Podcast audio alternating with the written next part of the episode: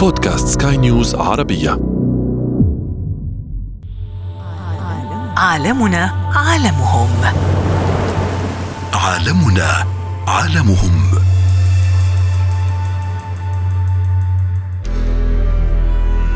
عالمهم عالمنا. ده شيء طبيعي. هو العالم اللي عايشين فيه هو العالم بتاعنا. فإذا حاولنا إن إحنا نقضي على العالم بتاعهم بتاع هذه الكائنات بالتبعية وبلا جدال وبلا شك سوف نقضي على عالمهم في بلد أوروبي في القارة العجوز وفي صباح يوم غابت عنه الشمس.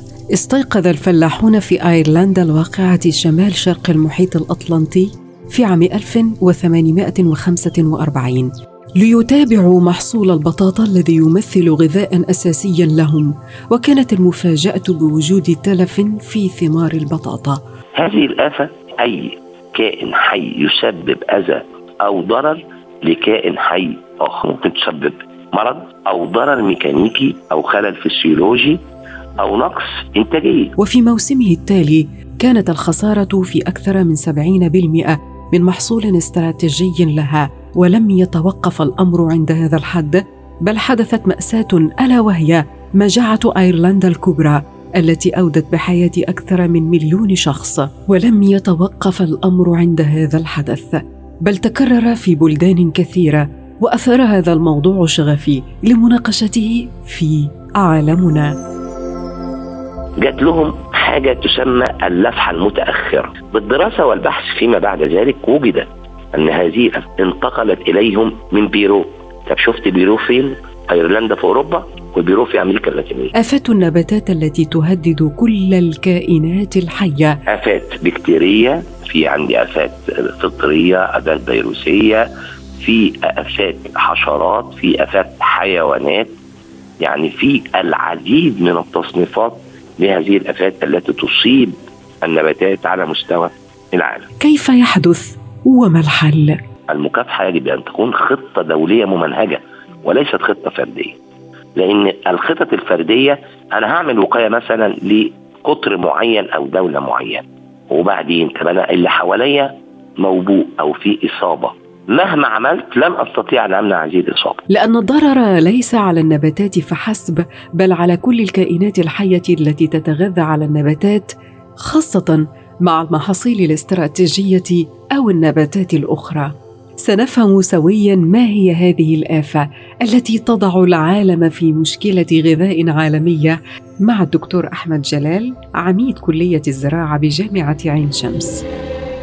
كلمة الآفة هي كائن حي ده بيسبب الأذى لكائن حي آخر منه الإنسان. وقد يكون الإنسان نفسه أو النبات أو المحاصيل اللي بيزرعها أو الحيوانات اللي بيربيها. يبقى هو في كائن بيعمل مشكلة لكائن آخر. قد يكون الإنسان بصورة مباشرة قد يكون النبات اللي هو بيزرعه قد يكون الحيوان اللي هو بيربيه. هذه الآفة يعني إحنا عرفناها يبقى هو أي كائن حي يسبب أذى أو ضرر لكائن حي آخر. الآفة دي ممكن إيه؟ أنواع الأذى أو الضرر اللي ممكن تسببه ممكن تسبب مرض أو ضرر ميكانيكي أو خلل فسيولوجي أو نقص إنتاجية. وبالتالي الآفات كلمة إطلاق آفة على طول كده تعني بين قوسين ضررا.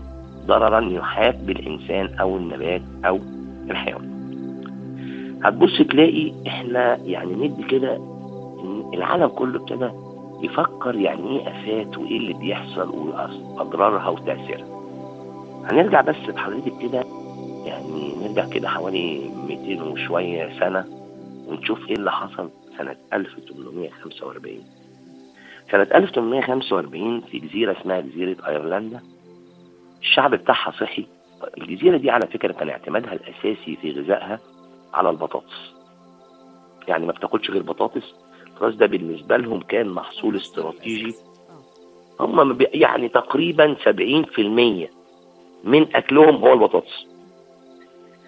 فجأة كده في سنة 1845 وعلى غير العادة بيبصوا لقوا محصول البطاطس فيه علامات غريبة جدا في انتفاخات غريبة جدا وبعد كده ابتدى يظهر عليه بقع سوداء وبقع وندب. تقريبا اتدمر حوالي من 70 ل 80% من المحصول الموجود في هذا الوقت. استمر هذا الموضوع في أيرلندا حوالي سبع سنوات وحصل يمكن إحنا في التاريخ بيدرسوا لنا حاجة اسمها مجاعة أيرلندا الكبرى أو مجاعة البطاطس الأيرلندية. هذه المجاعة أودت بحياة حوالي مليون أيرلندي.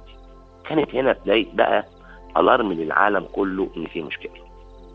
هذه الآفة هذه البطاطس اللي هم بيزرعوها اللي كانوا بيعتمدوا عليها في غذائهم الأساسي جات لهم حاجة تسمى اللفحة المتأخرة. ده نوع من الفطريات جت طب جات لهم منين؟ هم ما كانوش يعرفوا هذا الكلام. بالدراسة والبحث فيما بعد ذلك وجد أن هذه انتقلت إليهم من بيرو. طب شفت بيرو فين؟ أيرلندا في أوروبا وبيرو في أمريكا اللاتينية. حصل عملية تشوفي عملية الانتقال قد تكون ميكانيكية عن طريق البشر. إن كان حد فيهم في بيرو جاب شوية بطاطس ودخل بيهم أيرلندا فانتقل المرض ودمرت تماما معظم الزراعات البطاطس الموجودة في أيرلندا. ومن هنا بدأ العالم ينتبه أن هناك مشكلة كبيرة. مشكلة طبعا الآفات العادية زي الجرذان وزي الأرانب اللي اتربت في أستراليا وعملت آفة كان العالم متنبه لهذا الموضوع ولكن حدث الجديد فكان يكون هناك ألارم للعالم حتى يعي أن هناك مشكلة تواجه امنه الغذائي تواجه مستقبله على وجه هذه الأرض. ومن هنا بدأت يبقى في علم للأفات، علم كامل للأفات ومكافحة هذه الأفات سواء بالصورة الطبيعية أو بالطريقة الاصطناعية. في نقطة مهمة جدا أنا عايز أشير لحضرتك إليها. هذه الآفات انتشرت لأن الإنسان بتصرفه على كوكب الأرض أدى إلى إن هو سلوكه الخاطئ. وظنوا في بعض الأمور إن هو ابتدي يعمل إيه؟ يعمل انقراض لبعض الأنواع فابتدت تظهر له آفات أشد ضرر وأكثر قسوة على حياته. ها. يعني ومن هنا العلاقة بينها وبين الإنسان أيضا وتدخله صحيح. تمام لأن حضرتك بتقولي حاجة جميلة جدا. عالمهم عالمنا. ده شيء طبيعي. هو العالم اللي عايشين فيه هو العالم بتاعنا. فإذا حاولنا إن إحنا نقضي على العالم بتاعهم بتاع هذه الكائنات بالتبعية وبلا جدال وبلا شك سوف نقضي على عالمهم ده نقطة مهمة وعشان كده أنا بحيي حضرتك جدا على هذا يعني البرنامج الرائع اللي بيشير لقضايا هامة جدا. أردت أن أسلط الضوء على دراسة تؤكد أنه رغم التقدم العلمي ومحاولات السيطرة على الآفات باستخدام المبيدات إلا أن مسببات الأمراض أدت إلى تقليل الإنتاج الزراعي. ما أنواع الآفات التي تؤثر على المحاصيل؟ سيوضح لنا الدكتور أحمد. لا أنا عندي أنواع كثيرة جدا. بالنسبة لأنواع الآفات أنا عندي آفات بكتيرية في عندي آفات فطرية آفات فيروسية في آفات حشرات في آفات حيوانات. يعني في العديد من التصنيفات لهذه الآفات التي تصيب النباتات على مستوى العالم. ربما في بداية الحلقة تحدثنا عن حقبة زمنية لم تعرف التغير المناخي بشكله الحالي. أي ما قبل الثورة الصناعية ولكن مع كل المتغيرات على كوكب الأرض سيكون للتغير المناخي تأثير كبير على النباتات. هو طبعا تغير المناخ ده يعني أنا وجهة نظري إن لو إحنا ما خدناش خطوات استباقية سوف تكون هناك كارثة حقيقية. هيتواجد أو هينتشر أنواع من الآفات لم تكن مألوفة في بعض الأماكن ودي أنا وجهة نظري إنها هتكتسح الزراعات في المناطق التي سوف تظهر فيها. تغير المناخ بارتفاع درجات الحرارة وزيادة درجات الاحتباس الحراري وزيادة ال carbon dioxide وزيادة آه، ثاني أكسيد النيتروز والميثان سيؤدي إلى تواجد آفات مختلفة. هذه الآفات المختلفة لا يألفها آه، الدول اللي هي هتصيبها وبعدين هيعمل هجرة كمان للآفات دي من دول لدول. أنا هدي لحضرتك على سبيل المثال إحنا في مصر السنة دي يمكن جالنا حاجة اسمها دوت الحشد. دوت الحشد دي بتصيب محصول الذرة وعملت مشكلة بس الحمد لله طبعا إحنا كان متوقعين هذا الموضوع من 2019 فكان في استعدادات لهذا الموضوع فالتأثير بتاعها ما كانش هيوج قوي أو التأثير بتاعها ما كانش كبير ولكن أثرت على محصول الذرة السنة دي في جمهورية مصر العربية. هذه الآفة لم تكن موجودة في مصر. ولكنها ابتدت تظهر في أفريقيا جت على الحدود عند السودان بعد فترة دخلت عندنا. فأنا عايز أقول أن العالم قرية صغيرة. يعني يعني ما فيش دولة تظن نفسها أنها بعيدة عن أن يحدث أي إصابات دي الافات داخلها. الانتقال ده تم ليه؟ لأن حصل تغير المناخ. المناخ ابتدى يتغير فالآفة بالطبيعيه عشان تحافظ على نفسها بتنتقل من مكان إلى مكان. بتنتشر طبعا سواء فرادى أو في صورة أسراب أو جماعات أو خلافه وبتخش وتصيب هذه الأماكن ثم تنتشر في أماكن أخرى. فزي ما أنا بقول لحضرتك لازم يبقى في استراتيجية مش على فكرة محلية. عالمنا عالمهم. صورة ملونة متحركة ولكن لن تراها إلا عبر الشاشة وفي برامجنا الإذاعية والبودكاست. ننقل لكم الصورة في صوت الصورة مع إيمان جبور. يواجه العالم مشكلة انعدام الأمن الغذائي. وفي موضوع عالمنا عن الآفات نوضح الصورة كاملة عن حجم المشكلة. لذلك يجب أن نتبع كل الطرق لمواجهة الآفات. يجب أن تكون دوليه المكافحة يجب أن تكون خطة دولية ممنهجة. وليست خطة فردية.